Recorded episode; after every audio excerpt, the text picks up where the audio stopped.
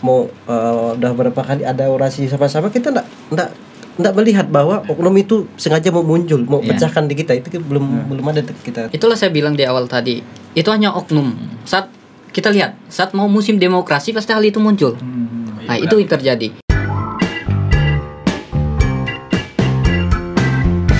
Ya, eh, terima kasih nih Mas Welkentin, Mas Fenan, Mas Anas ya. Siap. Siap. Mas, Bung atau Bang kira-kira ya? Enaknya ya. Bang ya. Bang saja ya. Bang Welkentin, Bang Fenan, Bang Anas. Anas. Ya. Terima kasih nih berkenan hadir di Humaniora Studio ya. Eh, kita ngobrol-ngobrol nih, Bang. Ya. Eh, saya pengen tahu eh, Mas Welkentin kan dari GMKI ya. Siap. Eh, apa namanya GMKI itu Gerakan Gerakan mahasiswa, Mahasiswa Kristen, Indonesia. Terus PMKRI Persatuan Mahasiswa Kat- Perhimpunan Oh, Mahasiswa Perhimpunan Katolik, Mahasiswa Katolik Republik Republik Indonesia. Indonesia. Terus PMII Pergerakan Gerakan. Mahasiswa Islam Indonesia. Wah, harus saya hafalkan lagi. ya, eh, kita ngobrol-ngobrol nih ya. Jadi sengaja saya undang untuk ya saya menggagas podcast Humaniora ini untuk orientasinya adalah bagaimana kita memberikan kebermanfaatan. Ya, kebetulan sekarang kok hari ini kita apa ya eh, punya fasilitas lah atau punya apa ya zaman sekarang kok ternyata ada media komunikasi sosial yang seperti ini ya udah aku ikuti aja kan Hmm. jadi eh, ketika zamannya begini aku ikut begini kan ketika zamannya begitu ya aku ikut begitu kan Mengikuti Karena- perkembangan zaman. Ah, ah, memudahkan kita komunikasi toh. Nah jadi saya pengen eh, kemudian nanti publik itu mengetahui apa sih GMKI itu, apa sih PMKRI, eh, PMII, terus kemudian urgensinya itu apa, gitu kan? Kan sesuatu itu mau dicari tahu urgensinya. Nah sebelum urgensi mungkin definisi lah ya, definisinya, kemudian urgensinya, kemudian eh, apa namanya kontribusinya, ya kan, bagi eh, ya lingkungan kita bagi semesta lah gitu ya mulai dari Mas Valkentin lah saya pengen tahu ini Mas Valkentin ini eh, kuliahnya di mana Mas eh Bang ya Bang ya kita sepakat Bang tadi Bang Valkentin kuliah di mana nih Bang Ya, kok saya kuliah di Universitas Kapuas Sintang. Heeh. Unkas atau Unka ya Unka biasanya kita lebih lebih akrabnya dipanggil Unka jadi Unka, bukan ya? Unkas ya. Iya, iya. Jadi Unka. Eh, jurusannya kehutanan. oh kehutanan Iya. oh berarti cocok lah di sini masih apa namanya banyak hutan lah ya Eh, untuk wilayah timur Kalimantan Barat di wilayah timur Kalimantan Barat ya Masih khususnya banyak. Sintang ya masih masih ada beberapa karena memang kalau masih ada iya masih ada masih ada Masih banyak ada banyak tanaman-tanaman lain kok. Oh, Ah, oh bukan gitu. hanya hutan Enggak artinya sebetulnya saya berharap nih jawabannya oh masih gitu kan. oh banyak Iya. atau oh terjaga atau bagaimana lah ya. Ini masih ini kayaknya meragukan waduh ini beneran masih ada apa enggak ini kan kan. Nah, jadi kehutanan ya berarti Iya. cocok lah dengan apa namanya eh, Kalimantan yang memang katanya nih saya dengar ini kan Kalimantan paru-parunya dunia nih bang Iya. ya kan berarti kan kita ini sebetulnya orang-orang yang beruntung ya kan? Tinggal di eh, paru-parunya dunia kok. Ya. berarti paru-paru kita sehat lah ya. Mudah-mudahan begitulah ya mas. Anu Insya bang ya. Bang Welkentin ya. Iya. jadi di di Unka jurusan kehutanan ya. Udah Iya. semester berapa? Eh, puji Tuhan sudah selesai. Oh sudah selesai. Iya. oh jadi tapi masih masih aktif di GMKI ya? Ya karena eh, periode kita satu kepengurusan itu dua tahun dari 2018 sampai 2020 jadi menyelesaikan Oh. studi waktu itu tahun 2019 oh begitu Ya, karena belum masa periodenya selesai jadi ya udah masih oh masih aktif. menjabat ya Iya, masih oh. menjabat terus sekarang aktif di mana nih setelah lulus kuliah Eh, kita masih mau fokus untuk selesaikan di organisasi aja Oh dulu. gitu. Ya ya. Oke lah. Saya beralih ke Bang Venan. Iya. Nah, Bang Venan dari PMKRI tadi ya. Iya. Kuliahnya di mana, Bang? Kalau saya kuliahnya di STKIP STKIP. Sintang. Ya. Jurusan Pendidikan guru sekolah dasar. oh PGSD ya. Iya. Jadi Tapi udah selesai atau belum nih? Udah, Oh, tinggal sudah juga? wisuda bulan 4. Oh begitu. Iya. Sebentar lagi jadi guru SD lah ya. Mudah-mudahan. Oh, kalau guru SD itu ada nggak spesialisasinya misalnya?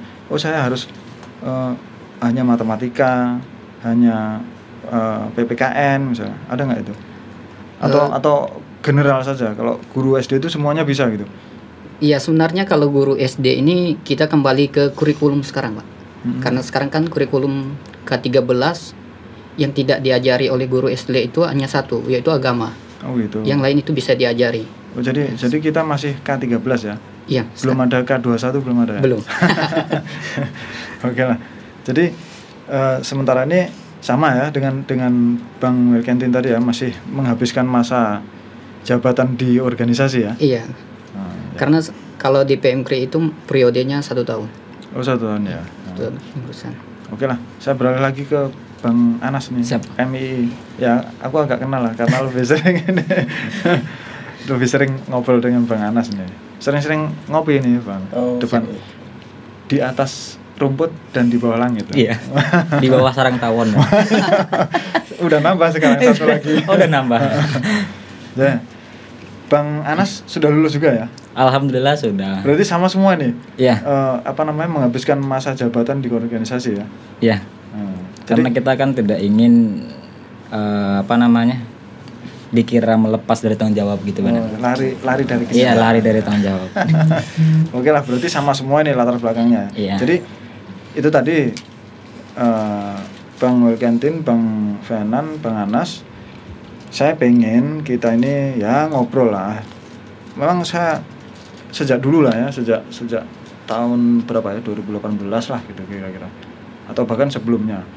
Jadi melihat apa eh, dinamika-dinamika yang ada, keprihatinan-keprihatinan.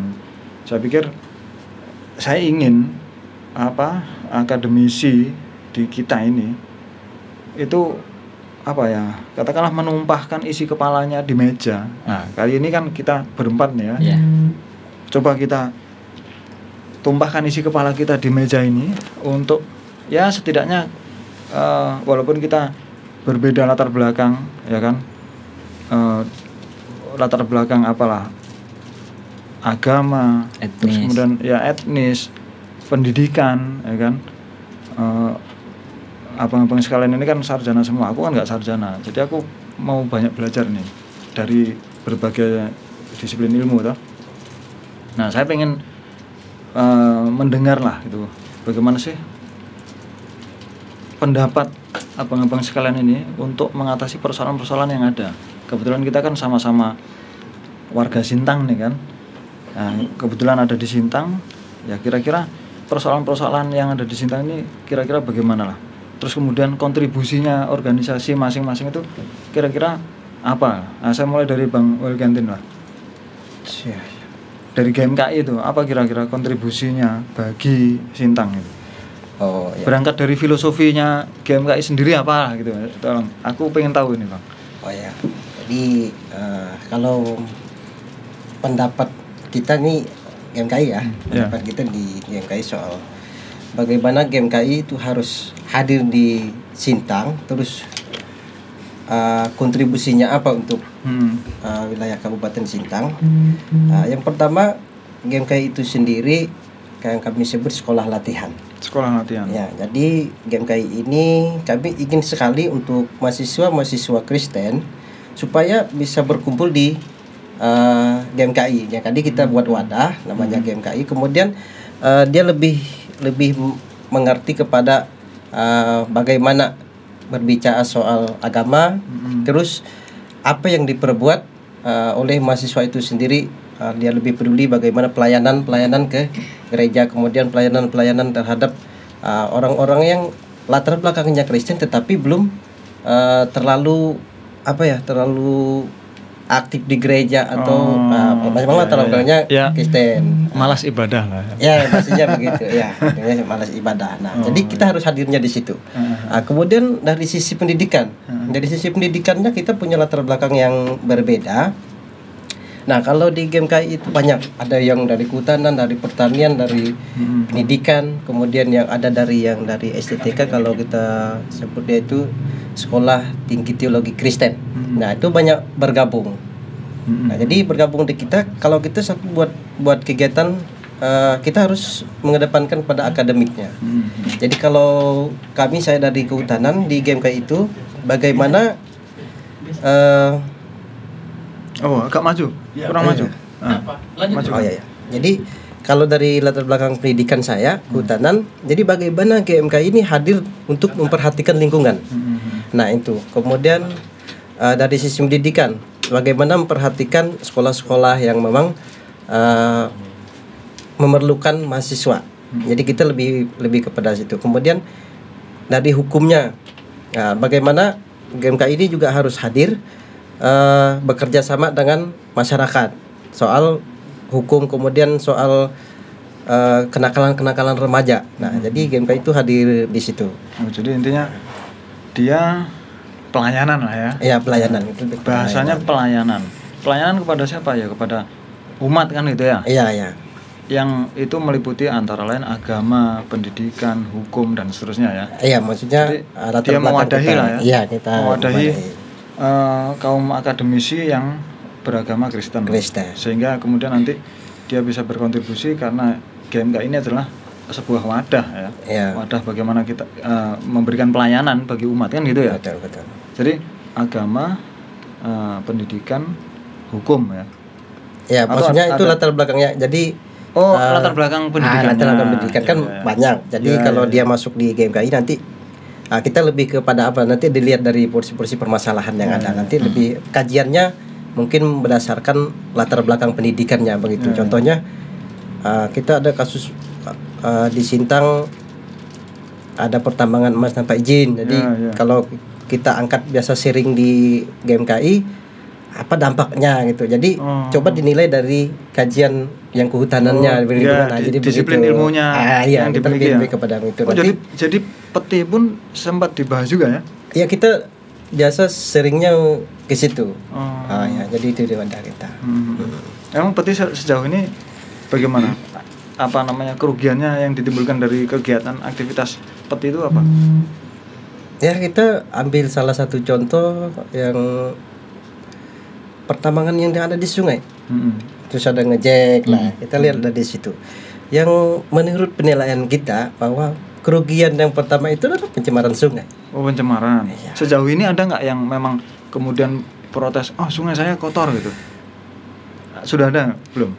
ah, kalau ke kita itu hanya dari apa mulut ke mulut aja jadi Oh, gitu. yang serius yang serius aja untuk soal hal itu belum ada sampai ke kita Oh, jadi kita ada. kajiannya ah, bagaimana kalau ada lingkungan kita mengkajikan satu kasus itu ah, ini dampaknya seperti apa? Jadi Hmm. contoh lah tadi sungainya udah tercemar kemudian kotor airnya udah keruh dan sebagainya. Teman kalau kita lihat untuk daerah ya untuk daerah dan sungai Melawi ya kita tidak tahu orang itu datang Ya, dia ya, mau ya. protes atau tidak nanti eh, mau baga- bagaimana? Saya mau makan dari mana? Itu Nah, mata itu- pencarian saya Itu, kan? itu yang yang mau aku cari itu. Nah, itu kan masalahnya makanya saya saya mau manggil orang-orang muda ini yang apa otaknya masih fresh lah gitu katakanlah ya jadi kira-kira bagaimana kalau yang saya dengar itu dulu pernah sempat digagas WPR katanya ya Iya, kan iya. wilayah pertambangan rakyat Iya, ya iya. kan? nah pertanyaannya gini kalau mau dibuat WPR sedangkan Tuhan itu menggelar barang itu sepanjang sungai ya kan Iya, iya. barang itu memang digelar di sepanjang sungai mulai dari hulu sampai hilir. Memang ada semua itu. Dan terus yang dikatakan wilayah pertambangan rakyat yang mana? Ya, berarti sepanjang sungai itu Iya, ya kan? iya, iya. kan gitu. Nah itu itu apa eh, saya pikir perlu perlu dibahas mendalam lagi dibahas secara radikal. Iya, benar, benar. radikal kan sampai ke akar tuh. Bukan bukan radikalisme yang konotasinya negatif Iya, ya. iya, benar. jadi itu. Nah termasuk yang kehutanan kan? Iya. bagaimana? Kemarin saya sempat ngobrol kalau saya mendengar ada apa namanya orang jual kayu belian Iya. ya itu hati saya sedih kenapa karena saya tahu kayu belian yang sebesar ini itu untuk bisa katakanlah 10 cm diameternya kan? Iya. berapa tahun itu untuk bisa sebesar itu 20 tahun kan Ya. itu itu 20 tahun baru sebesar ini berarti kalau ada yang nebang eh kalau ada yang jual kayu belian sekian kubik misalnya gitu kan berarti ada berapa pohon yang ditebang gitu? Yang diameternya berapa gitu? Nah, itu ber- yang usianya ratusan tahun kan? Iya. nah itu. Jadi saya termasuk sedih gitu. Apalagi setelah ditebang kemudian tidak di apa namanya dihijaukan kembali ya kan? Nah itu. Jadi mungkin ya nantilah kita perdalam lagi. Saya berlanjut ke inilah Bang Venan Siap. Bang Venan di PMKRI apa kira-kira kontribusinya PMKRI untuk Sintang maupun Indonesia itu apa kira-kira Oke, baik, Pak. Hmm, digambarkan dulu lah PMKRI itu apa gitu Siap. Saya menggambarkan PMKRI dulu mulai dari oh, nyebut, nyebutnya PMKRI ya PMKRI. Oh, Iya. biar biar singkat lah biar lebih singkat. Kalau lebih singkatnya lagi PMKRI PMKRI. PMKRI, PMKRI dia. PMKRI ya Iya. Kalau PMKRI itu visi misinya terlihat dan berpihak kepada kaum tertindas. Oh, gitu. Ah, PMKRI ini dikenal sebagai organisasi proses. Hmm. Jadi di situ kita berproses, dididik dan dibina seperti itu. Ibaratnya sekolah formal. ya ya, ya. Karena kita ada jenjang formalnya. Tidak semata-mata mahasiswa itu bisa masuk. Oh, masuk ke PMKRI itu Iya, tidak. PMKRI itu Tidak semata-mata seperti itu. Kita ada yang namanya istilahnya masa penerimaan, masa bimbingan. Kalau di masa bimbingan itu dia udah dinyatakan menjadi anggota biasa ya ya seperti itu. Dan kita itu punya yang namanya tiga benang merah sebagai landasan gerakannya. Hmm, Yang pertama itu kita mulai dari Kristianitas. Kristianitas Iya, yang kedua itu fraternitas dan yang terakhir eh, intelektualitas. Mengapa kita dari fraternitas? Karena dari awal sudah jelas perhimpunan mahasiswa Katolik. Hmm, hmm, Berarti kita adalah orang-orang yang beragama. ya, ya. Masing-masing kan apa mengembangkan eh, dari segi agamanya seperti itu untuk membawa eh, kebersamaan. Jadi dalam Kristianitas ini kita adanya makanya ada pastor moderator. Kita terdapat dalam struktur Kuskupan Sintang kita kita terdapat. Hmm. Yang mengeskakan pastor itu kuskupan. Jadi pastor mendampingi dari segi rohaninya. oh yang Dari- yang mendampingi ke Ah, PMKRI ya Iya, dari segi Kristianitasnya. Dari segi fraternitas itu kebersamaan, termasuklah kebersamaan bersama anggota PMKRI senior, apa teman-teman Cipayung dalam gerakan-gerakan kita maupun mengedukasi pemerintah, peraturan-peraturan dan sebagainya tadi. Itu termasuk dalam fraternitasnya PMKRI gitu. Hmm, Dan fraternitas itu sering kita nampakkan juga di internal kita, kita ngumpul-ngumpul yang namanya markas kita itu marga namanya, marga, Marga. siswa. Marga, siswa. PMKRI ya, seperti itu. Dan yang terakhir intelektualitas karena kita tergabung di situ adalah mahasiswa-mahasiswa ya. kaum akademisi Iya, akademisi. Kita kalau PMKRI ini tidak hanya Katolik yang bisa masuk, meskipun eh, namanya iya labelnya Katolik itu ah, labelnya Katolik eh, pernah tahun dulu sebelum saya yang muslim juga pernah masuk Hmm, kita perlakukan sama juga Ya. karena di situ kita dituntut untuk mendidik bukan untuk membuat orang lain untuk pindah agama seperti oh, itu iya, iya, iya. gimana kepercayaan dia itu tetap ada Ya, dalam ya. dirinya sekarang anggota kita beberapa orang itu Kristen Iya, iya, iya. tetap kita perlakukan sama misalnya kita dalam kegiatan kerohanian Katolik dia tidak kita libatkan kalau dia mau ikut silahkan seperti itu Betul. itu dalam intelektualnya dan kita ada juga dari Stikes, Unka, STKIB Iya, iya. Karena Itu. konteksnya konteksnya itu tadi ya, apa namanya? eh, sekolah proses tadi ya. iya berproses Kalau GMKI adalah sekolah apa tadi? belajar Belajar ya, Iya. sekolah belajar. Di sini sekolah proses. ya untuk berproses Ya, artinya ya apa intinya semuanya mewadahi eh, kehendak-kehendak atau niat-niat yang baik lah ya untuk Dari- untuk ah, benar. hal yang konstruktif lah gitu ya. Nah, Oke lah, terima kasih Mas Fenan. Saya berlanjut ke ini Bang Anas, Siap. pergerakan mahasiswa Islam Indonesia. Salam, Baik. salam pergerakan. Wih, udah hafal dan ya. Itu aja yang dihafal. Berangkat dari filosofi pergerakan dulu ya, Nen. Hmm. Sebenarnya mengapa mengambil pergerakan, tidak perhimpunan dan sebagainya? Eh, karena kita harus dipaksa agar selalu bergerak Ya, ya. dalam kondisi dan situasi apa pun. Hmm. Bahkan di dalam kondisi COVID-19 seperti ini kita harus terus eh, bergerak ya sesuai mematuhi protokol kesehatan. Hmm. Nah, kayak misalkan kemarin kita sudah bergerak di lini sosial. Hmm. Kita apa namanya penggalangan dana untuk yang korban banjir, Ya. Kalimantan Selatan. kalim yang dilanda, Oh, ini Danta. Ah, yang dilanda Bengkayang, eh, mana lagi itu. Kemudian dalam eh, konteks eh, apa namanya kebinekaragaman, kita juga kemarin habis bersih-bersih apa namanya kelenteng Kelenteng. di Sungai Durian Masuka. Anu, siapa? Pekong, Pekong. Ah, Pekong, Pekong. Tempekong ya. Ah, itu niat dalam hati kami itu apa namanya? Ya untuk mendidik kader-kader agar tidak membeda-bedakan. Hmm. Ibaratnya toleransi lah. Ya, Ya meskipun di dalam kegiatan itu banyak yang pro dan kontra. Hmm. Di di dalam PMI sendiri. Iya, di dalam PMI sendiri maupun keluar. Saya rasa ini udah mulai keluar isu-isu Hmm. membersihkan ini. Makanya banyak yang kontra gitu. Ya, ya. Ya itu sudah hal biasa menurut saya. Hmm. Ya namanya demokrasi. Iya, namanya demokrasi. Berbeda-beda. Ya, bahkan kalau sepi aja kan dah nggak Ya, ya, ya. nggak nggak ada warnanya. Hmm. Nah, makanya ya saya anggap wajar ketika ketika kita melakukan bersih-bersih di Pekong kemarin itu ada yang kontra, ada yang apa namanya tidak setuju, tidak sepakat dan lain sebagainya. Intinya kami hanya ingin menunjukkan ke masyarakat Sintang, ini loh agama Islam gini loh. Kita juga berkontribusi untuk membersihkan Pekong agar mereka juga tahu bahwa rahmatan lil alaminnya Ya, itu ya. terlihat. Ya artinya bahwa secara tidak langsung memang kita mengakui bahwa ini ya bagian kita gitu Iya. kan ya. Bagian bagian dari eh, masyarakat kita. Iya. gitu. Tidak terus kemudian oh ini eh, apa namanya? eh, masyarakat yang yang berbeda gitu. Iya. Iya. Yang yang bukan dari golongan kita. Oh, enggak juga kan. Kan sama-sama warga KTP-nya pun KTP Sintang ya kan. Terus kewarganegaranya Indonesia, Indonesia, juga, nah, kan, itulah. gitu. Iya. Kalau misalnya nggak nggak diakui karena apanya gitu kan, ya memang KTP-nya orang sini terus bagaimana? Lah iya. Warga, kewarganegaraan Indonesia. Berarti Iya. kan mereka bagian kita juga, saudara kita juga. Iya, saudara. Heeh. Makanya kita terus berusaha agar bagaimana bisa menumbuhkan eh, kewarnaan dalam Sintang ini khususnya. Ya, gitu.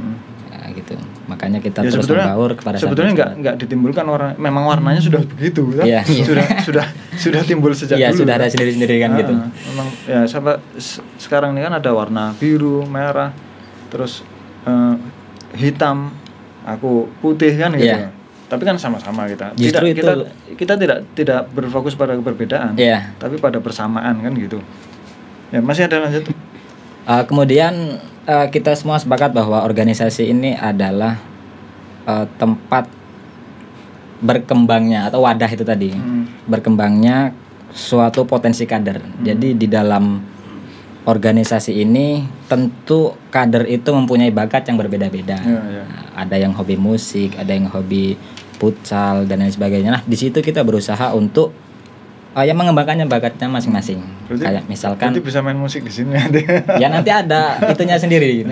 ada orangnya sendiri Oh, iya, kadernya iya. sendiri ada yang futsal ada sendiri gitu Nah, jadi kita berusaha untuk memfasilitasi saja Ya, ya, ya. kan gitu jadi bagaimanapun kita harus dituntut agar terus bergerak mengembangkan potensi-potensi kader yang kita miliki gitu dan ya intinya sama lah PMI, GMKI, eh, PMKRI. PMKRI sama lah ya. Iya, Artinya mewadahi orang-orang kaum akademisi untuk bagaimana mengaktualisasikan dirinya iya dengan berbagai latar belakang pendidikannya Iya. untuk kesejahteraan bersama kan gitu. Iya. Kalau sesuai dengan apa namanya salah satu cita-cita nasional kita kan memajukan kesejahteraan umum toh iya bukan memajukan kesejahteraan orang ini orang itu nah, semuanya kita warga negara Indonesia kan ya, oke lah terus kemudian saya ingin begini saya mengajak kita semuanya berpikir bagaimana sih? Sebetulnya ya kita membantu pemerintah lah ya. Membantu pemerintah untuk memberikan pemikiran-pemikiran. Mana tahu ya pemerintah itu sebetulnya kalau kita pahami sudah cukup berupaya Iya. ya kan? Nggak nggak mungkin lah pemerintah terus nggak mikiri rakyatnya nggak mungkin ya. Pasti mikiri. Nah masalahnya sektornya itu sangat banyak iya. gitu.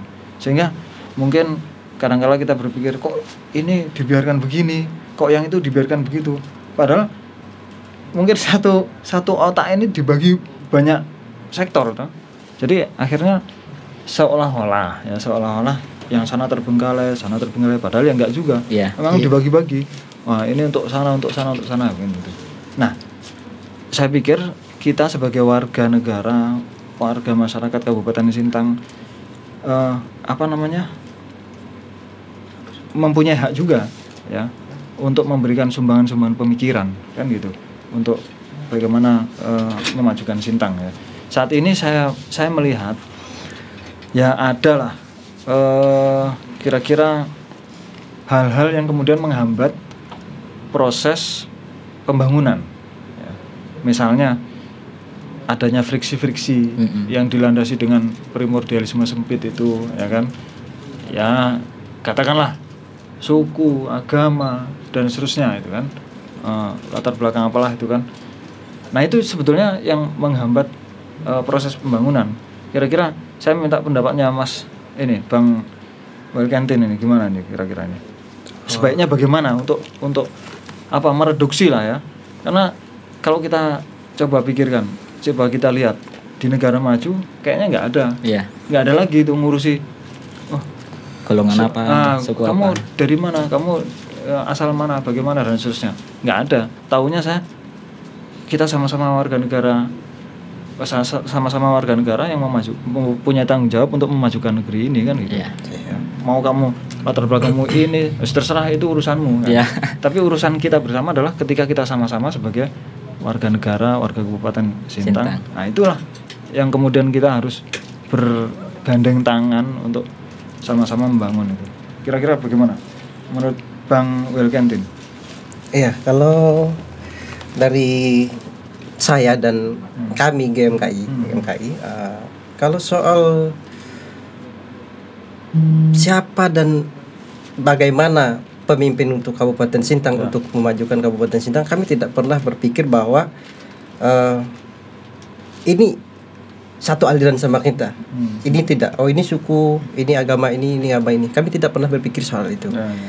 Karena kalau kita lebih mengkat atau main sektorial, sektorial contohnya, oh tiba-tiba ini teman-teman dari Pemkri nih. Hmm. Contoh, oh dia mau jadi ini, dia mau jadi ini. Bagusnya kita dukung. Oh yang ini jangan. Jadi itu contoh sektorial. Iya. Ta- Sementara kita belum tahu apakah beliau ini punya potensi atau tidak untuk Ya, membangun ya, Kabupaten ya. Sintang. Ah. Sementara dia belum belum inventarisir sebenarnya Sintang ini perlu apa. Hmm. Nah, jadi kami melihatnya eh, tidak melihat kepada su- suku, kemudian tidak melihat dari suku, agama, ras dan sebagainya kami tidak melihat itu. Jadi Ya, ya. eh, per- dari permasalahan itu tadi, mau siapa pun dia agama apa pun, kalau dia memang dilahirkan menjadi pemimpin dan kita telah melihat bukti-bukti yang sudah ada bagaimana pemimpin itu sudah mengetahui bahwa masyarakat Sintang ini perlu apa tapi di- dijawab. Nah, kita lebih melihat potensi dan kualitas orang tersebut. Jadi kita menilainya untuk menjawab permasalahan ada di Sintang adalah kualitas orang itu sendiri. Berarti berfokus pada kualitas ya. Kualitas tidak tidak pada sendiri. ya. Saya sepakat sih kalau kita bicara tentang apa pun Iya. ya. Itu memang berdasar atau eh, kita berfokusnya pada kualitas. Produk apa pun lah. Ya. Itu pasti kualitas. Kita kalau mau cari sesuatu misalnya kan, eh, barang misalnya. Ya udah kita cari yang terbaik kan. Ya. Mau cari pacar juga yang terbaik. Eh, iya kan? Iya. Oh, kalau kalau bisa yang paling cantik saat sintang ini Iya. gue pacari kan. gitu. Atau lingkup kecilnya sak kampus ini biarlah yang yang dapat aku kan gitu. Iya. Ya itu kualitas ya. Ya, Berarti itu ya. kualitas. Kalau Ya. Bang ini Venan. Oke. Kalau dari saya ya Hmm. eh, sudah kurang lebih empat tahun di kabupaten, Heeh. maksudnya di ibu kota kabupatennya. Yang saya lihat dalam menghambat perkembangan pembangunan di Sintang ini itu lebih ke kepentingan politik dari orang-orang yang pintar sebenarnya. Oh. Kita masyarakat padahal, padahal pintar ya. iya Har- Orang- harus- harusnya kan pin, pinternya itu bukan untuk yang bagaimana bagaimana itu. Iya. Yang konstruktif Iya, maksudnya. untuk kepentingan politik mereka aja sebenarnya Hmm. kalau saya lihat sama saya di sini. Saat musim politik itu timbul mereka angkat itu per- apa? eh, Isu-isu. keberagaman itu, Ah. isu suku, agama dan sebagainya. Jadi masyarakat ini yang pikirannya dangkal, pendidikannya yang dikatakan ya belum terlalu lah dalam hal menganalisis Hmm, omongan ya, ya, orang ya, kan ya. mudah percaya apalagi orang-orang di kampung itu kan paling Hmm. mudah itu yang terjadi sebenarnya Hmm. kalau masalah memilih pemimpin ini saya dia kalau dari kita sendiri lah kita tidak memilih ini dari agama apa suku apa dan sebagainya yang penting dia punya komitmen membangun dan dia benar-benar hadir di tengah-tengah masyarakat Hmm. karena saya lihat masyarakat Sintang sekarang itu hadir so- sosok seorang pemimpin yang bisa langsung ke daerah mereka masing-masing. Hmm. Meskipun misalnya pembangunnya hanya seadanya saja, Ya, tapi ya. dia hadir di situ menyapa masyarakat langsung, masyarakatnya udah senang. Oh, Seperti itu. Jadi jadi di di apa namanya di kampus kan diajarkan leadership ya. Iya. Ya, leader materi leadership. materi leadership ya. Yes. Artinya akan tahu lah bah- bahwa menjadi seorang pemimpin itu adalah eh, apa ya? Kalau kalau di analogikan gambar itu, saya saya sering itu menemui eh, kalau bos itu dia duduk di apa di kereta itu anak buahnya yang narik kereta itu ya kan. Iya. Tapi kalau Pemimpin, leader, leader. itu sama-sama narik dia Iya. gitu. Iya, Pak. Jadi dia dia dia di depan tapi sama-sama narik dengan anak buahnya. Iya. Kan gitu. Saya pikir eh, apa ya? se- Setiap kita ini tahu lah ya bagaimana sih bedanya bos dengan pemimpin ya, leader ya. Itu itu saya pikir tahu lah ya. Berarti itu ya pendapatnya dari PMK ya. Artinya eh, sama lah dengan GMKI tidak tidak memandang perbedaan Iya, tidak. tapi memang apa kebermanfaat bagi semuanya ya. Iya. kebermanfaatan bagi semuanya Gitu. bang Anas gimana Kalau dari PMI sih eh pola pikir lah ya. ya tadi kelenteng aja dibersihkan ya Iya. tapi sayangnya nggak ngajak aku kalau ngajak ya, aku nanti aku, sekiranya ndak sopan dan masa komandan aja bersih-bersih kelenteng kan Oh, gimana? iya, biar iya. kami aja yang bagian kayak ya gitu. sebetulnya nggak apa-apa juga kalau aku datang paling nengok-nengok aja ya enggak lah kan tadi dibilang bang Fenan itu hadirnya seorang pemimpin Iya. Nah, kan gitu. Jadi Nah, gimana? eh, yang mesti dibangun itu pola pikir. Jadi artinya pola pikir pemimpin dan masyarakat itu meskipun susah ya tetap harus sejalan. Ya. Ketika pemimpin akan membangun suatu infrastruktur, Hmm. ya masyarakat juga maunya eh, mendukung. Hmm. Kadang kan ada yang pro dan kontra Ya. dengan alasan ini dan itu dan lain sebagainya. Belum lagi kecemburuan sosial. Ini aja yang dibangun, yang di sana belum. Padahal yang di apa pikirkan pemerintah tuh pasti yang lebih parah kan ya, gitu. skala prioritas Nah, skala prioritas. Jadi pola pikirnya itulah yang harus dirubah dari segala lini, entah itu dari yang kepemudaan, dari di pemerintahan, masyarakat dan sebagainya. Itulah menurut saya. Ya, jadi kalau kalau saya tadi melihat kemudian ada pro dan kontra, itu selain memang sudah takdirnya dunia. Sepe- memang ada hitam dan putih, Iya, ada atas dan bawah dan seterusnya. Eh, atau eh, gampangnya gini, kalau di kapal itu ya memang harus ada di lambung kanan, di lambung kiri. Kalau semuanya di lambung kiri, kapal miring kapten, Iya. gitu. Nggak imbang. iya nggak imbang. Nanti kapal kapal miring gitu. Oke lah.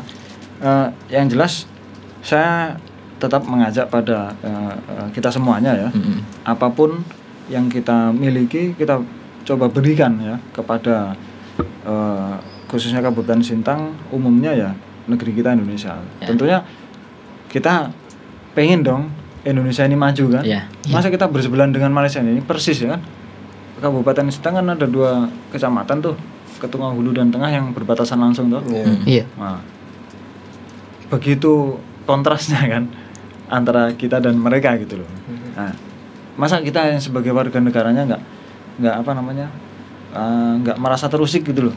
Wah kok di sana ya saya pikir eh, apa namanya ya terusik juga sih Iya. ya. Pengen juga seperti mereka. Nyatanya eh banyak warga kita yang memilih menyekolahkan anaknya di sana ya kan belanja di sana kemudian berobat di sana ya jadi itu eh apa namanya saya ingin mengajak lah itu ya bagaimana kemudian kita sama-sama untuk memberikan sesuatu kebetulan kalau ka- ka- apa kalangan akademis ini kan punya ilmunya ya kan seperti tadi disampaikan bahwa kalau di pelosok sana itu yang mungkin eh, ya maaf ngomong tingkat pendidikannya rendah sehingga Iya. mudah untuk hasut gitu kan Benar. padahal eh, kita ini nggak perlu seperti itu gitu loh Hmm. ya seperti misalnya kalau saya punya pemikiran begini ada suku ya kan saya saya bertanya nih kan bang Anas lah misalnya. bang Anas sukunya apa Jawa. Oh Jawa toh? Iya Jawa. Bukannya Bengkulu? Cuman kan orang tua di Jawa. Oh gitu. Ah. nah jadi lahir sebagai orang Jawa ya kan? Ya saya tanya dulu waktu mau lahir bisa nggak minta ya Tuhan tolong saya dilahirkan sebagai suku Batak misalnya gitu. Hah? Nggak Bisa? lah, nggak bi- Nggak nggak bisa. bisa lah. nah anu Bang Fenan bisa nggak Nggak bisa. nggak bisa. Bang Welken Jelas nggak bisa. nggak bisa ya? Aku juga nggak bisa. Tiba-tiba aku diturunkan ke dunia jadi suku Madura. Padahal aku pengennya Batak bermarga bermarga Sianturi misalnya ya. Siantar belok kiri. Jadi ternyata nggak bisa. Barang itu diminta nggak bisa. Gitu loh. Udah udah kita sepakati ya. Mm-mm. ternyata barang itu nggak bisa. Nah kalau nggak bisa kenapa disoal gitu kan Iya. Iya. ya kan? Kecuali misalnya begini nih.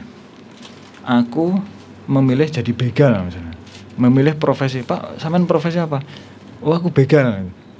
Ya itu kan bisa kita pilih toh. Iya. saya mau jadi begal mau jadi eh, petani mau jadi perampok aku bisa memilih. Mm-mm. nah barulah silakan itu disoal toh. Kalau suku nggak bisa dipilih nggak bisa diminta ya ngapain disoal kan gitu nah itu jawaban jawaban saya kalau kalau tentang suku ya Mm-mm. Iya. kalau agama tadi saya tengok perwakilan-perwakilan dari Kristen dari Katolik dari Islam ternyata semuanya menyeru kepada kebaikan Iya. menyeru untuk eh, membangun bersama Ya. Ya. tidak ada satupun yang kemudian bahkan tadi yang Bang Fenan bilang kita bukan untuk mau mengajak orang pindah agama Iya. tapi sama-sama belajar ya kan? Sekolah proses tadi itu sama-sama berproses sama-sama belajar sama-sama membangun kan gitu? Iya. jadi saya pikir eh, sudah waktunya lah kita ini eh, apa ya berubah gitu ya. Berubah mari kita bergerak maju salam pergerakan tadi kan bergerak maju eh, tinggalkanlah hal-hal yang yang yang apa namanya ya katakanlah hal-hal yang di belakang sana lah gitu Iya. kan kita harus maju harus eh, memandang jauh ke depan bagaimana memajukan Sintang dan Indonesia kan gitu Iya. jadi saya pikir sudah saatnya lah ya itu tadi eh, kita membangunkan orang-orang nggak usah lagi menyoal seperti itu ayo kita kumpul bersama nanti mungkin kita bisa lah ya eh, apa namanya seluruh elemen masyarakat Sintang kita Iya. Undang ya kan duduk bersama kemudian diskusi agar kita ini punya hubungan emosional ya nggak nggak lagi apa namanya berprasangka berprasangka gitu kan Siap. terus menyoal sesuatu yang nggak penting jadi kadang-kadang kita mementingkan hal yang tidak penting Iya. menidak pentingkan yang penting, penting. gitu loh nah itu jadi eh Pak, saya bisa nanya anda Pak sama mereka bertiga. oh Mas Eka ter- ternyata tertarik juga deh. Tertarik mau nanya. ya udah boleh lah Nah, ya. Ini kan udah duduk bareng nih, Ah. istilahnya kayak gitu ya. Pernah ada masalah nggak dalam kegiatan itu eh, problem tentang toleransi? Misalnya kegiatan ini. Tapi toleransinya bukan bukan di di apa di circle-nya organisasi misalnya di luar. Misalnya pas ada kegiatan ini mungkin ada oknum tertentu gitu ya yang "Eh, jangan jangan ganggu ini jangan jangan ngadakan ini jangan ngadakan ini.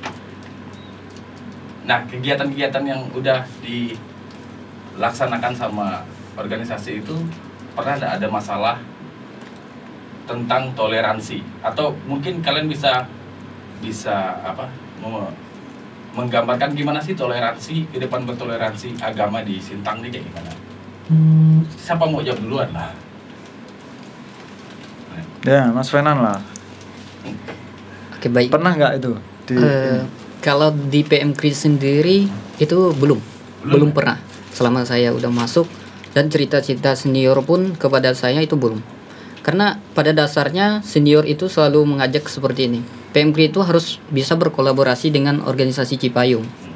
Apa pun yang dilakukan teman-teman kita apresiasi. Hmm. Itu merupakan apa namanya kelebihan dari mereka. Bisa kita ikuti juga. Hmm. seperti itu. Itu ibaratnya contoh. Itu juga terjadi di nasional seperti itu ya. Ya. Eh, ini contoh dari ketua-ketua kita di pusat. Mereka saling mendukung. Buktinya itu di saat setiap apa Cipayung ini adanya kongres. Hmm. di mana pun posisinya kongres mereka akan tetap hadir. Contohnya kemarin di PMK sendiri itu kongres kita itu di Ambon Maluku. Oh, eh, ketum-ketum Cipayung pusat itu hadir semua Nah, jadi di situlah eh, yang memotivasi kita sampai ke bawah sini Hmm. itu bahwa eh, dalam hal Cipayung ini jangan sampai ada permasalahan. Mungkin sebelum ini tahun-tahun 90-an itu mungkin ada, Hmm. ada, tapi udah ke zaman ini saya rasa belum pernah ada. Saya belum juga pernah dengar itu dari senior ataupun berita-berita yang memberitakan hal itu seperti itu. Kalau untuk di Sintang ini isu intoleran itu memang ada saya rasa, tapi belum terlalu nampak kali. Iya. Tapi kita bersama Cipayung ya komitmen menjaga apa ke- kebersamaan kita. ya termasuk acara ini Iya, saya undang. warna kan untuk untuk itu untuk Iya. apa mereduksi lah Iya. kita kita membuka wawasan Iya, ya. benar. orang-orang yang belum terbuka wawasannya pak kita ini niatnya mau hidup sama-sama nih ya Iya. kan kita ini bukan homo homini lupus ya kan manusia itu serigala bagi seri, apa manusia lainnya. Iya. tapi homo homini socius, Socius. ya bahwa kita ini bermasyarakat sosial. makhluk Makhluk sosial, saling membutuhkan. Nggak mungkin aku tinggal sendirian di Sintang ini kan nggak mungkin. Aku pasti butuh orang banyak toh. Iya. itu depan rumahku itu kalau apa namanya crowded itu ya. Iya. Wah, ada yang ke sana ada yang ke sini ada yang parkir depan rumahku aku nggak bisa masuk ya kan. Iya. wow sumpek gitu kan. Tapi aku seneng itu. Kayak gitu tuh asik gitu berarti aku hidupku nggak sendirian ada kawannya gitu tapi kalau misalnya hujan nggak ada yang jualan aduh sedih juga itu jadi jadi belum pernah ya Belum. sama apa bang Fenan belum pernah menjumpai itu ya Kalau saya sendiri belum. Nah, Ya. eh, bang Welkentin pernah nggak mengalami itu yang ditanyakan Mas Eka tadi itu Oh ya. ya. Eh, saya juga belum pernah em, ketemu hal seperti itu. Tetapi orang lain mungkin. Hmm. Oh, Maksudnya begini. eh, isu beredar, isu beredar, tetapi di kita tidak ada. Di internal kita tidak ada dan eh, hubungan kita dengan Cipung lain juga Hmm. tidak ada. Ah, mu- di luar itu mungkin, di luar itu mungkin ada. oknum ya. Tapi, Ya. tapi tapi Ya, kalau benar. dengar kayak gitu kira-kira ya. eh, ada nggak ada nggak mm, kemudian apa namanya kehendak untuk membantu menyelesaikan gitu atau membantu ya katakanlah barang itu agar tidak berlanjut gitu Ya. misalnya kita di di internal kita kalau terkadang ada isu-isu yang begitu kita cepat respon Hmm. Eh, kalau doktrin di kita doktrin di kita itu memang sama sekali bol- tidak boleh merespon hal tersebut ya artinya jangan ikut Hmm. tetapi kalau kita mem- eh, memberi pemahaman kepada seseorang yang menenggak yang merespon soal apa intoleransi Hmm, hmm. jadi hal seperti itu kita bantu.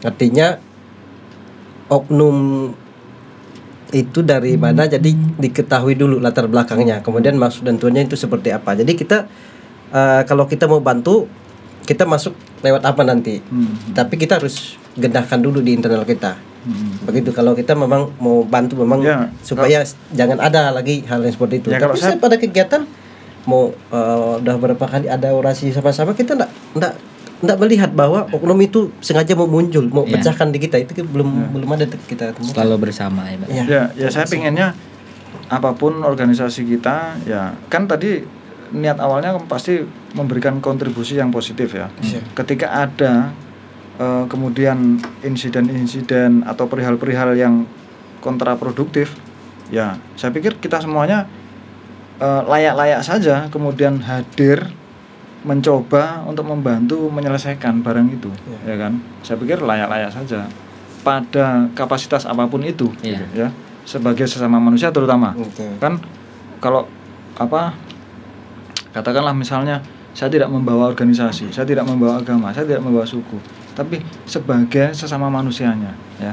Saya pikir semua manusia itu mau casingnya hitam kayak ya rambutnya keriting itu Ya. saya pikir harus apa ya eh, dimanusiakan bisa sama-sama kok mereka juga mungkin aku pun nggak minta juga rambutku dibuat keriting tuh Mm-mm. mungkin aku pengenku rambutku lurus gitu dan rambutku pengennya ini pirang-pirang gitu.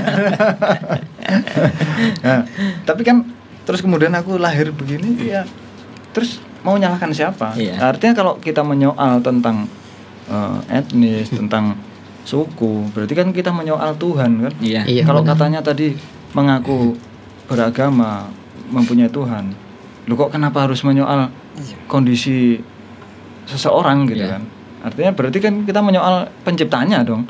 Kalau aku ngomong meja ini kok jelek sekali ya. Nah misalnya. Berarti penciptanya meja ini yang membuat meja ini tersinggung nanti Iya. kan nah berarti kalau kita menyoal manusia ya yang menciptakan yang tersinggung kalau Bang Anas pernah Eh, mungkin itu internal Hmm. internal kalau internal eh, pernah kejadian seperti itu artinya eh, di aliran atau agama Islam sendiri Hmm, hmm. itu perpecahan kan udah banyak Ya, sekali. ya, ya. ya meskipun itu pasti ada ya harap dimaklumi Hmm.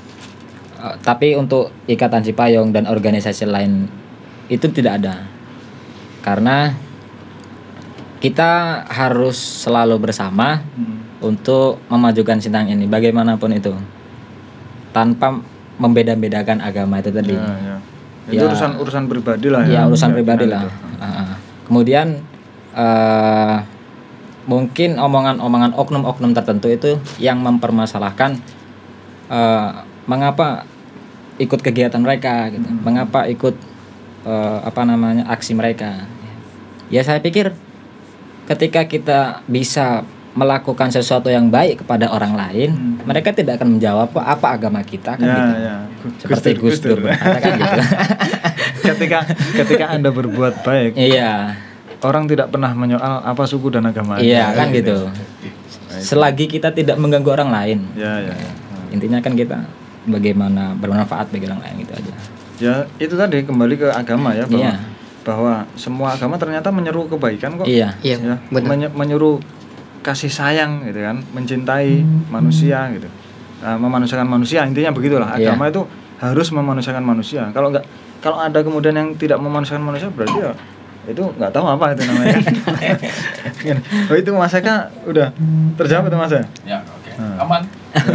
Karena kan eh, ya kita dengar lah kan, kayaknya setahun dua tahun terakhir ini lah kan, Hmm. biasanya ada aja yang masalah eh, intoleransi atau mungkin em, sesuatu hal yang yang sensitif di Sintang ini kan emang masalah suku, Suku. dan agama kan. Ya, ya itu jawab, jawabannya Nah. sudah sudah itu toh. Jadi atau kalau memang yakin gitu, apakah yakin ada atau takut ngomong atau? Enggak, kalau misalkan ada, saya yakin itu hanya oknum. oknum ya. Oke. Iya. Oknum-oknum tertentu. Itu benar. Itulah saya bilang di awal tadi. Itu hanya oknum. Saat kita lihat, saat mau musim demokrasi pasti hal itu muncul. Hmm. Nah, Iya, itu benar. yang terjadi. Itu Ya. hanya itulah Artinya saya bilang. Berarti tidak murni ya? Iya, itu hanya kepentingan sebagian oknum saja Heeh. Itu gitu. kepentingan tertentu. Iya, yang memanfaatkan hal itu. Berarti eh, kalau tadi katakanlah asumsinya arus bawah misalnya kan, Iya. itu apa riak-riak di arus bawah. Berarti orientasi kita atau fokus kita bagaimana membuka wawasan arus bawah kan gitu. Iya. Tapi ternyata ada juga yang di atas ya. berarti berarti kita juga tanggung jawab eh, membuka wawasan arus atas juga itu. Iya. Eh? Gimana kira-kira? Sebenarnya harus begitu. ya semuanya saja pokoknya Iya. siapa pun yang kemudian melakukan tindakan kontraproduktif ya berarti kita wajib membuka wawasan mereka. Pak sampean ingat tujuannya jadi warga negara ini adalah memajukan negeri. Iya. bukan mau karpe dewe kan itu kalau bahasa Jawanya kan. Tahu nggak mas ya? Tidak tahu. mau maunya sendiri ya. Mementingkan kehendaknya sendiri atau memaksakan kehendaknya sendiri. Ya itu. Ada lagi pendapatnya Eh, saya sambung lagi. Ah. Eh, itulah saya bilang tadi kepentingan setelah oknum. Sekarang kita lihat setelah selesai demokrasi hal itu tidak ada lagi. Semuanya baik. Ya, Tuh. ya. Dari situ kita sebagai masyarakat yang biasa, apalagi kaum intelektual itu harus melihat menilai di situ. Maka saya selalu sampaikan kepada kader kita di PMKRI, jangan mudah terbawa isu-isu sara. Hmm. Kamu adalah kaum intelektual. Kamu harus menganalisis dulu. Kita juga kan ada senior yang di bidang akademisi, Hmm. yang di pakar hukum dosen mereka ini, Ya. Eko Hardian. Mm-mm. Nah, kalau kita berbicara hal hukum selalu dengan beliau Ya. seperti itu. Eh, saya bilang sama anggota juga, kalau berkaitan dengan agama itu tidak bisa permasalahkan. Tidak usah apa kita menanggapi, biarkan saja. Senior juga mengatakan demikian. Kita kalau masalah agama kita eh, ke pastor kita Ya. komunikasinya seperti itu.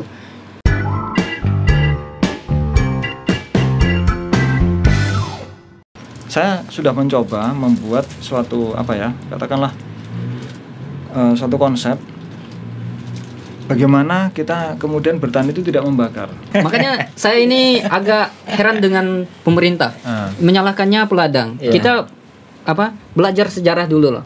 Kalau kita kan beladang nih. oh ya ya ya Paling paling sekarang orang beladang kan paling luasnya lah sekarang 2 hektar. Ya. Itu pun paling itu- paling luas. Itu Iya. pun tidak Pas- sampai ya.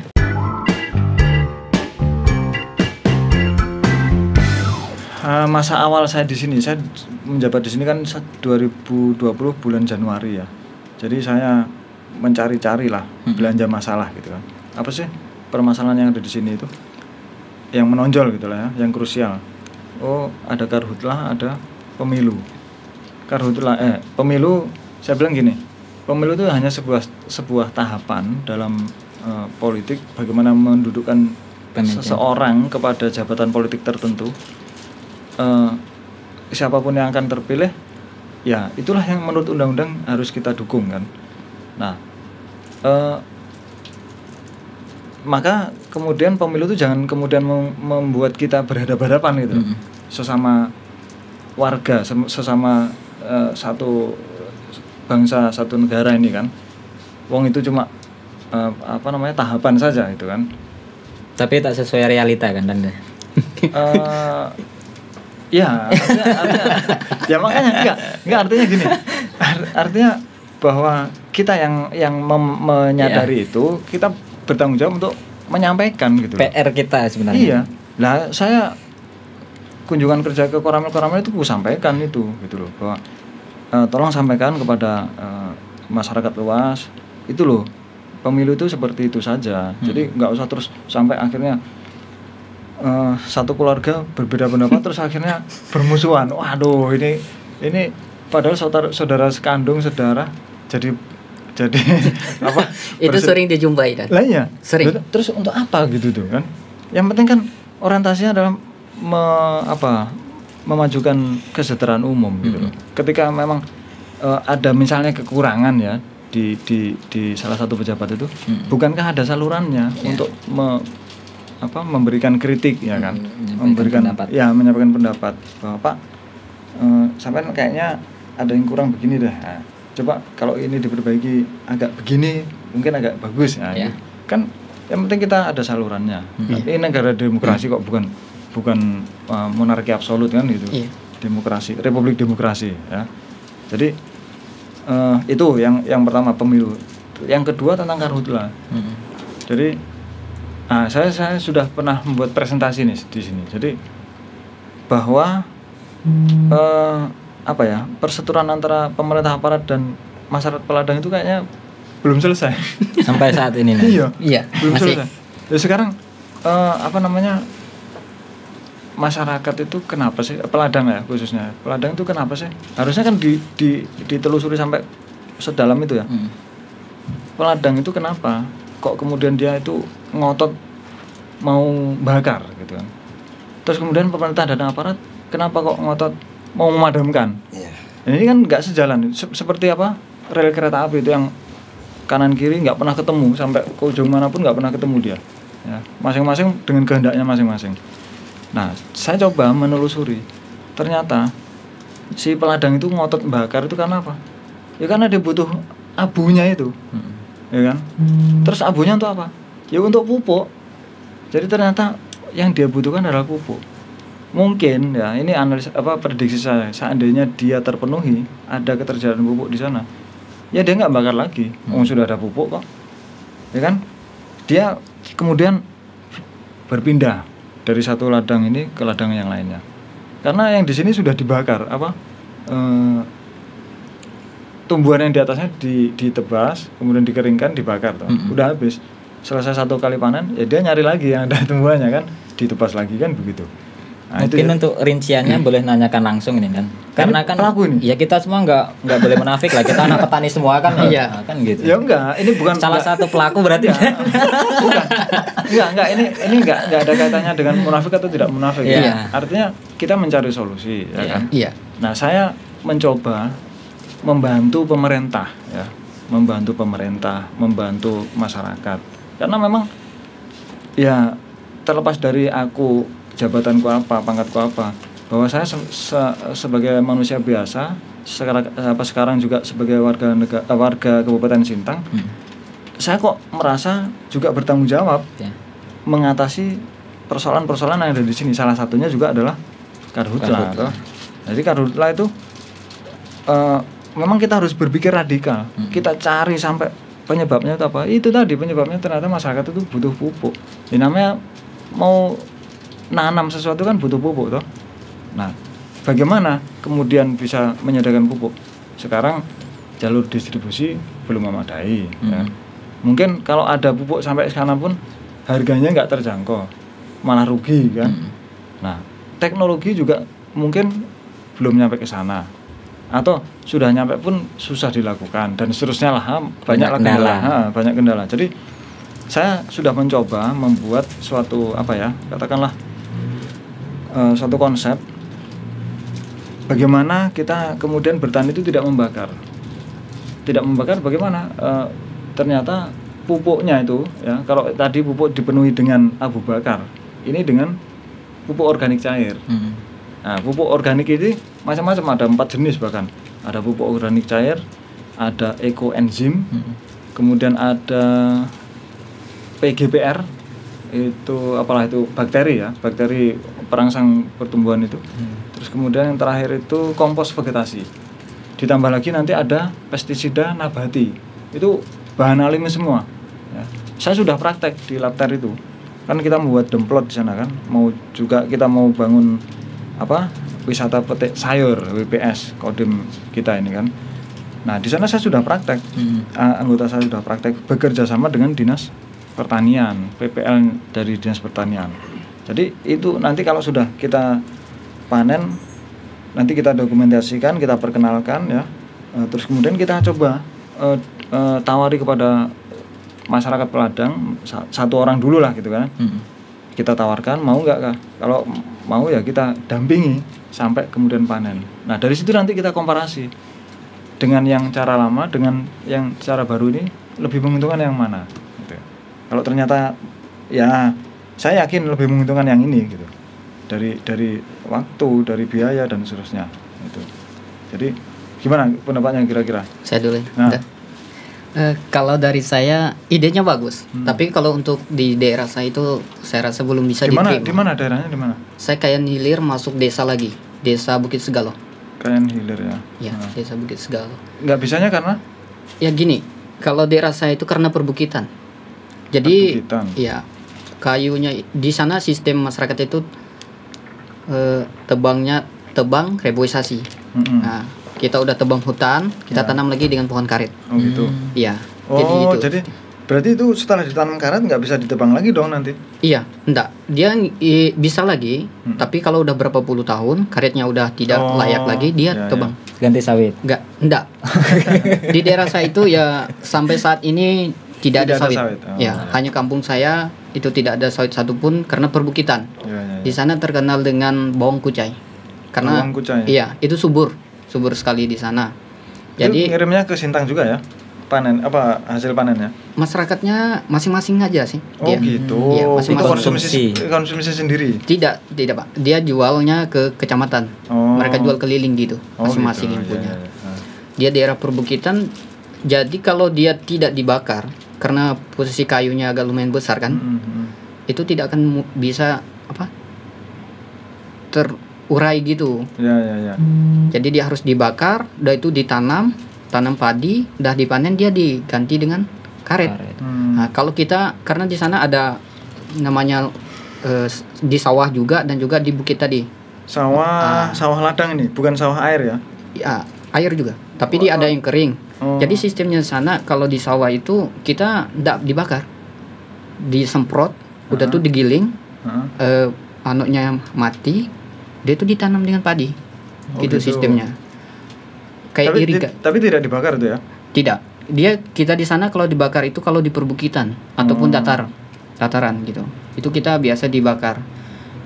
Jadi kalau dari sistemnya seperti itu tadi, kalau di daerah saya belum masuk, karena dari segi infrastruktur juga di sana agak sulit dari akses jalannya, hmm. gitu. Itu Enggak yang yang yang tadi apa pakai pupuk organik tadi masa harus harus ada infrastruktur gitu? Ya karena kalau masyarakat sendiri yang apa pemerintah menyediakannya, kalau tidak mele- disalurkan Nah, ini, langsung, ini ini dibuat sendiri? Dibuat sendiri. nah, Karena masyarakat di sana keterampilan dalam membuat juga itu. nah itulah makanya perlu pendampingan. Hmm. jadi nanti kalau saya sudah panen udah udah dapat hasil maka nanti saya coba tawarkan kepada masyarakat mau nggak pak? Ini pakai teknik saya nih teknik saya sudah berhasil di sana. Ini buktinya. Nah kan gitu.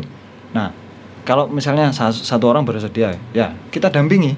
Sampai nanti satu kali panen barulah nanti itu eh, kita sosialisasikan kepada yang lain. Bahwa ini loh ternyata cara ini lebih efektif lebih menguntungkan kan Iya. lebih lebih apa lebih besar hasilnya daripada yang teknik lama gitu. Itu maksud saya. Untuk untuk apa namanya eh katakanlah misalnya asumsinya sekarang ini eh bencana asap itu ditimbulkan oleh masyarakat peladang Itu saya t- As- sebenarnya enggak ini asumsinya toh Iya. yang sejauh ini toh Iya pak. Ah. Makanya saya ini agak heran dengan pemerintah Ah. menyalahkannya peladang. Iya. Kita apa belajar sejarah dulu loh. Sebelum adanya apa lahan sawit, Hmm. masyarakat peladang itu ya memang sudah membakar iya Iya. membakar. Bahkan kakek nenek saya dulu mereka itu bakar ladang itu bukan 2 3 hektar, 4 5 hektar. Ya. Satu buah bukit itu mereka bakar. ya ternyata asapnya nggak sampai ada Malaysia sampai iya nggak ada sekarang dengan adanya perusahaan sawit yang itu sebenarnya apa kita tidak menyalahkan pemerintah ya Ah. sebenarnya dia mau mensejahterakan masyarakatnya ya, eh, ya. melalui itu tapi kontrolnya agak longgar gitu Ya, tidak ya. sampai ke bawah-bawahnya jadi seolah-olah masyarakat yang salah Ah. seperti itu Ya, itulah makanya daripada di apa ya istilahnya di, di- katakanlah dituduh-tuduh gitu Iya. kan. Ya udahlah, saya saya tawarkan ini teknik win-win solution ya. Jadi eh, memenangkan masyarakat juga memenangkan pemerintah, Pemerintah, kan iya. gitu ya. Artinya saya mencoba bagaimana sih kalau katanya Albert Einstein itu kan ya, katanya eh, try not to become a man of success uh, but try to become man of value. Jadi cobalah un- eh, cobalah untuk tidak menjadi orang yang sukses, tapi lebihlah mencoba untuk menjadi orang yang bernilai. Artinya eh, saya berupaya untuk Mm-mm.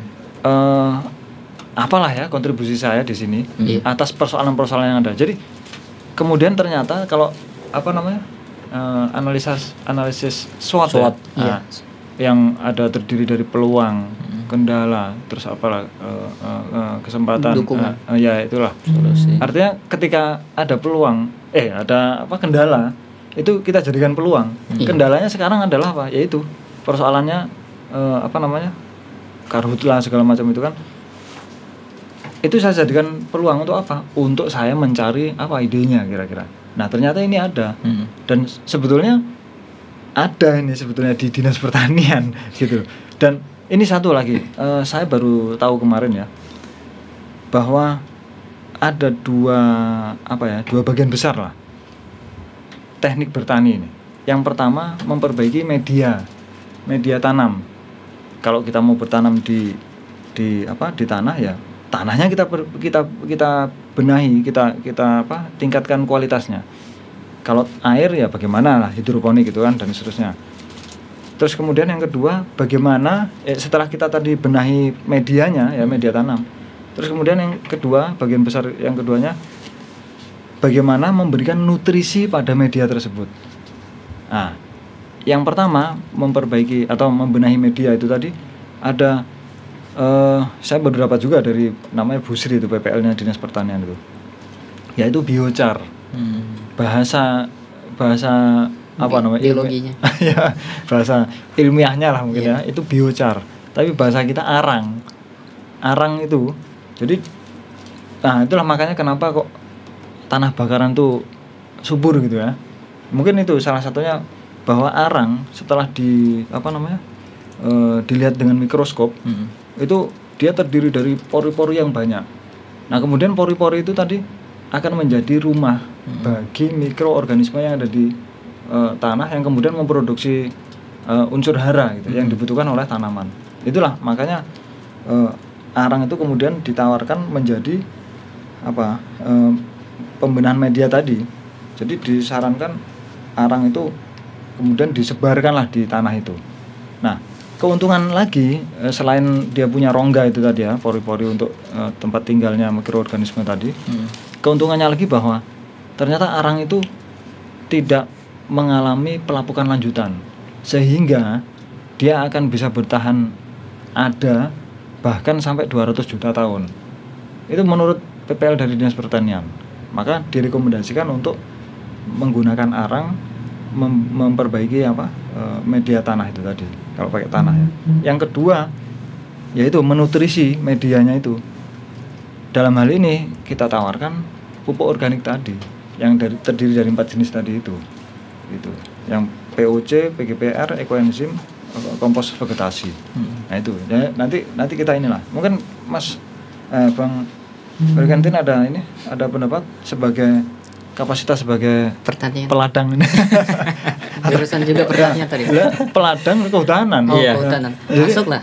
Ah, sudah sudah sudah memang dulunya peladang habis itu jurusannya kehutanan pula kan nah, kira-kira Iya, iya. kira-kira ada ada pertentangan nggak dalam diri itu di satu sisi hidupnya mungkin nebang pohon di satu sisi belajarnya Kuliahnya. tentang kehutanan gimana tuh Oh iya, kalau soal berladang. Hmm. Jadi kan soal tebang-tebang nebang pohon itu kan eh sambil diminum ya sambil diminum Iya. eh silakan tidak tidak seberapa tidak seberapa dengan yang digusur.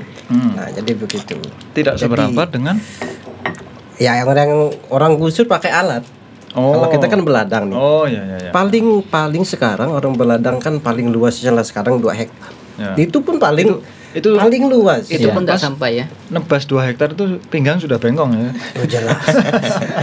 itu, itu jelas. gimana ketawanya paling ini mungkin dia memang dulu nebas-nebas terus Iya, karena memang begitu cerita kita memang sebelum kuliah saya juga ikut orang tua berladang. Ya. Jadi sakit memang nembas oh, kena segala ah banyak lah nama Ya. di hutan. Jadi begitu. berpengalaman.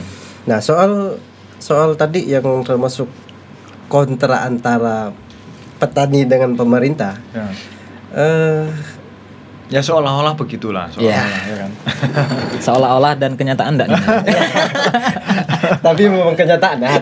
Dan kita juga eh, dari sisi pemerintah atau sebenarnya memang itu apakah memang mereka diperintah oleh aturan Heeh. atau tidak? Jelas. ya enggak kalau kalau pemerintah itu kan karena asapnya itu sampai ke Malaysia. negeri Malaysia. tetangga ke tetangga tetangga Jadi marah lah po- poinnya kan asap juga kan. Eh, iya tetangga kan marah nih oh asap dari sebelah nih kok masuk ke sini nah protes lah kan Iya. nah akhirnya kemudian eh oh udah udah nggak usah bikin api nah kan gitu Ya, bahasanya gitu kan Oke, jadi poinnya bahwa kenapa masyarakat tadi itu memang semestinya jangan membakar lagi. Ya. Jadi tadi uh, ditawarkan lah bagaimana kalau pertaniannya begini. ya, ya. Oke, eh, kalau di daerah saya, saya ambil contoh di daerah saya aja ya, Hmm. untuk Belitung Hulu Kabupaten Sekadau. Oh, saya asal Sekadau. Sekadau. Oh, iya, iya. Kemudian kebetulan kuliah aja eh di sini. Sekado ada ini tuh pelestarian apa namanya belian tuh Ya, Sekado atau Sanggo itu ya yang yang ada apa konservasi kayu belian itu ada itu saya dengar itu Ya. Nah, jadi di daerah saya eh, pas musim bakar kemarin jadi heli lewat. oh itu Helikopter lewat terus dia ambil air di Sungai, Sungai. Belitang. Heeh. Habis itu dia siram. Nah, itu itu sedang membakar tuh ya iya sedang membakar. Eh, sudah sudah apa hidup apinya Iya sudah hidup apinya. berapa lama sudah hidup berapa lama eh karena waktu itu yang tempat bakarnya kalau tidak salah daerah Dandi atau Sadus antara dua kampung itu kalau tidak salah saya.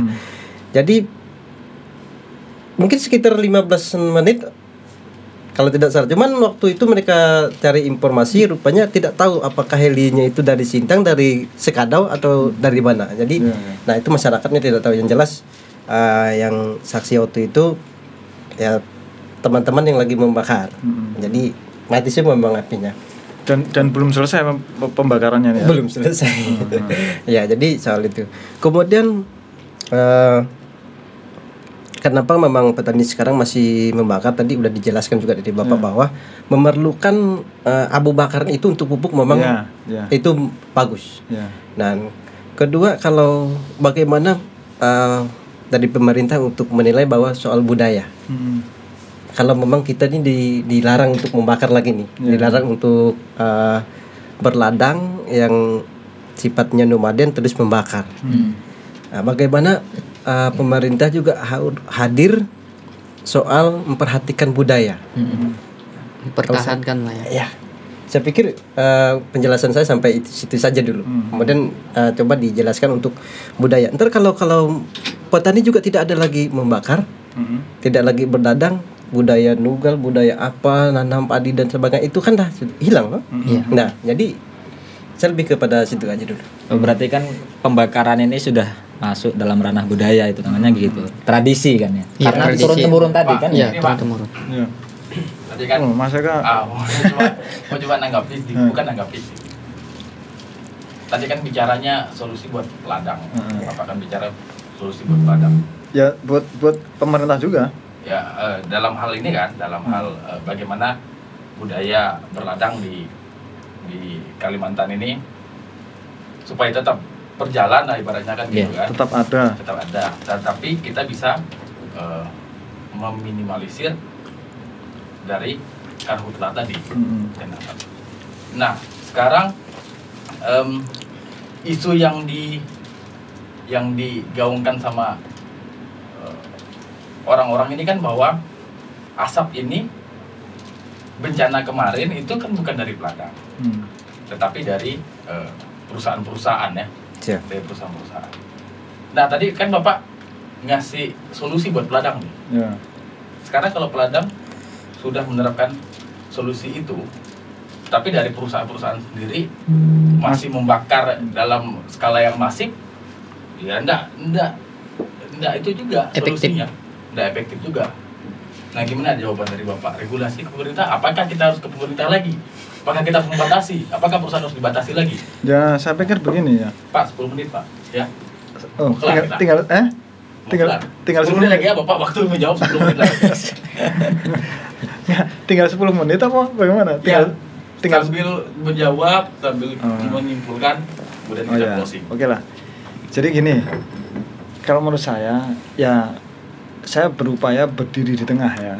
Artinya tidak berpihak ke mana-mana. Saya berpihak kepada kepentingan bersama ya. Jadi jadi saya berpihaknya kepada kepentingan bersama, tidak ke kanan, tidak ke kiri ya. Eh, itu tadi yang yang saya coba makanya saya mencoba menengahi saya, saya juduli ya jadi presentasi saya saya udah jadi mungkin nanti saya kirim lah itu saya juduli win-win solution ya. jadi memenangkan semua pihak. Nah kalau dari pertanyaan dari Mas Eka tadi oke misalnya nanti peladang kemudian memilih teknik yang saya tawarkan ya yang yang kami tawarkan yang bekerja sama dengan dinas pertanian itu oke semuanya sudah misalnya ya. Terus kok terus kemudian masih ada bencana asap kemudian eh, ditemukan pihaknya yang menimbulkan bencana asap itu kira-kira solusinya bagaimana? Ya menurut saya kita serahkan kepada pihak yang berkompeten. Yang berkompeten eh, artinya pengambil kebijakan ya. Siapa itu? Ya pemerintah. Nah kita tinggal sampaikan saja. Kita eh, apa berikan faktanya. Begini eh, apa masyarakat sudah menggunakan yang ini. Kalau ternyata masih ada eh, apa namanya bencana asap ya tolong ditelusuri ya tolong ditelusuri benar mana ini yang yang yang pihak mana ini yang yang eh, kemudian nyata-nyata menimbulkan bencana itu. Jadi jadi tidak asal eh, apa namanya harus memang tepat orangnya gitu Iya. ya. Yang siapa yang yang dituduh itu kan gitu. Jadi sebetulnya itu. Terus kemudian eh, mungkin di akhir pembicaraan kita ya ini karena keterbatasan waktu ya ada ada nanti ada kesempatan yang lain lagi kita ngobrol lagi. Yang jelas saya pikir ini merupakan awal yang baik bagi kita semuanya ya. Bagaimana kita duduk bersama secara dewasa menanggalkan seluruh eh, ego sektoral Ya. ya. Demi mementing apa eh, demi kepentingan bersama kepentingan sintang kepentingan negara dan bangsa Indonesia ini ya. Yang eh, tujuan besarnya ya kita ini kan keluarga besar. Keluarga besar Sintang, keluarga besar Indonesia, bahkan kalau mau lebih luas lagi keluarga besar manusia, ya kan? Lah kita Sesama manusia. kan. Iya. sesama manusia ini kan satu nenek moyang kita ini Iya. kan. Iya. Sebetulnya kan saudara kita, Om. Iya. kakek nenek kita dulu Adam dan Hawa, toh. Iya. Kemudian eh, berpisah-pisah itu. Nah, cuma ya itu artinya eh, saya mengajak bagaimana kita kemudian memanusiakan manusia, ya. Jadi eh, maka yang kita lakukan langkah-langkahnya ya, ya harus eh, memanusiakan manusia, ya. Kalau saya ambil contoh satu aja lah, yang yang eh, apa perilaku yang kemudian saya katakan itu tidak memanusiakan manusia. Ada pengguna sepeda motor yang kemudian memasang knalpot pesawat di motornya itu. Itu tidak memanusiakan manusia itu. Hah? Ya. Gimana? Kanan kiri ada banyak orang. Terus digas kencang di situ. Mm-mm. Dia tidak peduli. Kanan kirinya itu manusia. Lah kalau dia tidak peduli berarti kan dia tidak menganggap bahwa itu manusia. Iya. Itu dianggapnya entah apa itu. Demokrasi, Pak. Hah? Demokrasi. Sekarang gini demokrasi, ya katakanlah eh, saya punya hak apa namanya beli motor, saya punya hak memasang knalpot pesawat di motor saya, ya. Iya, sampai memang punya hak, itu uangmu, gitu kan. Tapi saya sebagai orang yang di sekitarmu juga punya hak untuk hidup tenang tanpa knalpot pesawat, gitu loh. Kan gitu. Ya. Jadi perlu perlu di apa? Perlu kita pedomani bahwa hak seseorang itu dibatasi oleh haknya orang lain. Kan gitu. Iya. Ya. Kita berhak kita berbuat bebas, tapi kebebasan kita itu dibatasi oleh kehendak bebasnya orang lain juga, ya kan gitu. Kita maunya ya bebas-bebas aja, tapi kan nggak bisa ternyata toh. Nah itu, jadi kalau misalnya eh, ada yang memasang knalpot pesawat, eh ya knalpot pesawat di sepeda motornya, nanti coba eh, coba ditanyai, eh, bang atau mas atau pak, sampai pernah nggak terpikir ketika menggunakan sepeda motor yang knalpotnya itu kencang sekali seperti knalpot pesawat, pernah nggak terpikir di kanan kiri bapak itu itu bisa jadi ada bayi yang baru lahir, Mm-mm. ya kan? Bisa jadi ada orang tua yang umurnya sudah 79 tahun baru kemarin sore terinfeksi vir- virus corona. Hari ini dia nafasnya tersengal-sengal. Nah, pernah nggak terpikir itu? Coba. Atau eh, menjadi orang yang di pinggir jalan ketika enak-enak makan bakso, kemudian telinganya sakit karena dia lewat Mm. Bahkan yang sakit itu bukan hanya telinga hatinya pun sakit ya kan? Pengennya Dongkol. ngelempar. Ngelempar kepalanya itu kan. Nah jadi itu apa eh, obrolan kita kali ini setidaknya sudah mem, apa me- menstimulus lah ya menstimulus pemikiran kita untuk kemudian bagaimana kita mencari eh, solusi-solusi atas persoalan-persoalan yang ada. Eh, setidaknya kita juga apa kemudian terpikir radikal ya. Radikal itu maksudnya ya eh, solusi kita itu harus sampai benar-benar menjawab persoalan tepat menjawab persoalan. Jangan ya kita duduk bersama terus ngobrol hanya sekedar habis waktu habis anggaran ya kan? Mm-mm. tapi tidak kemudian tepat menjawab persoalan ya. Eh, itu ya terima kasih atas kehadirannya Bang Welkentin Bang Venan Bang Anas. Siap. mungkin di lain waktu nanti kita ngobrol-ngobrol lagi ya. Siap. Eh, yang pada intinya eh, acara ini saya gagas untuk memberikan kebermanfaatan bagi kita semuanya ya. Karena eh, saya mempunyai pandangan hidup bukan tentang pangkat jabatan status sosial maupun posisi. Namun besaran kebermanfaatan eksistensi diri kita bagi semesta. Mari kita terus memanusiakan manusia ke mana nih kameranya sama mana sini pak nah. bersama-sama nih pak Oh ya. Nanti setelah saya me- apa closing yell, nanti sama-sama kita humaniora ke kamera yang sana ya. Oke. pak Let us keep humanize human with humanity. Humaniora. Humaniora.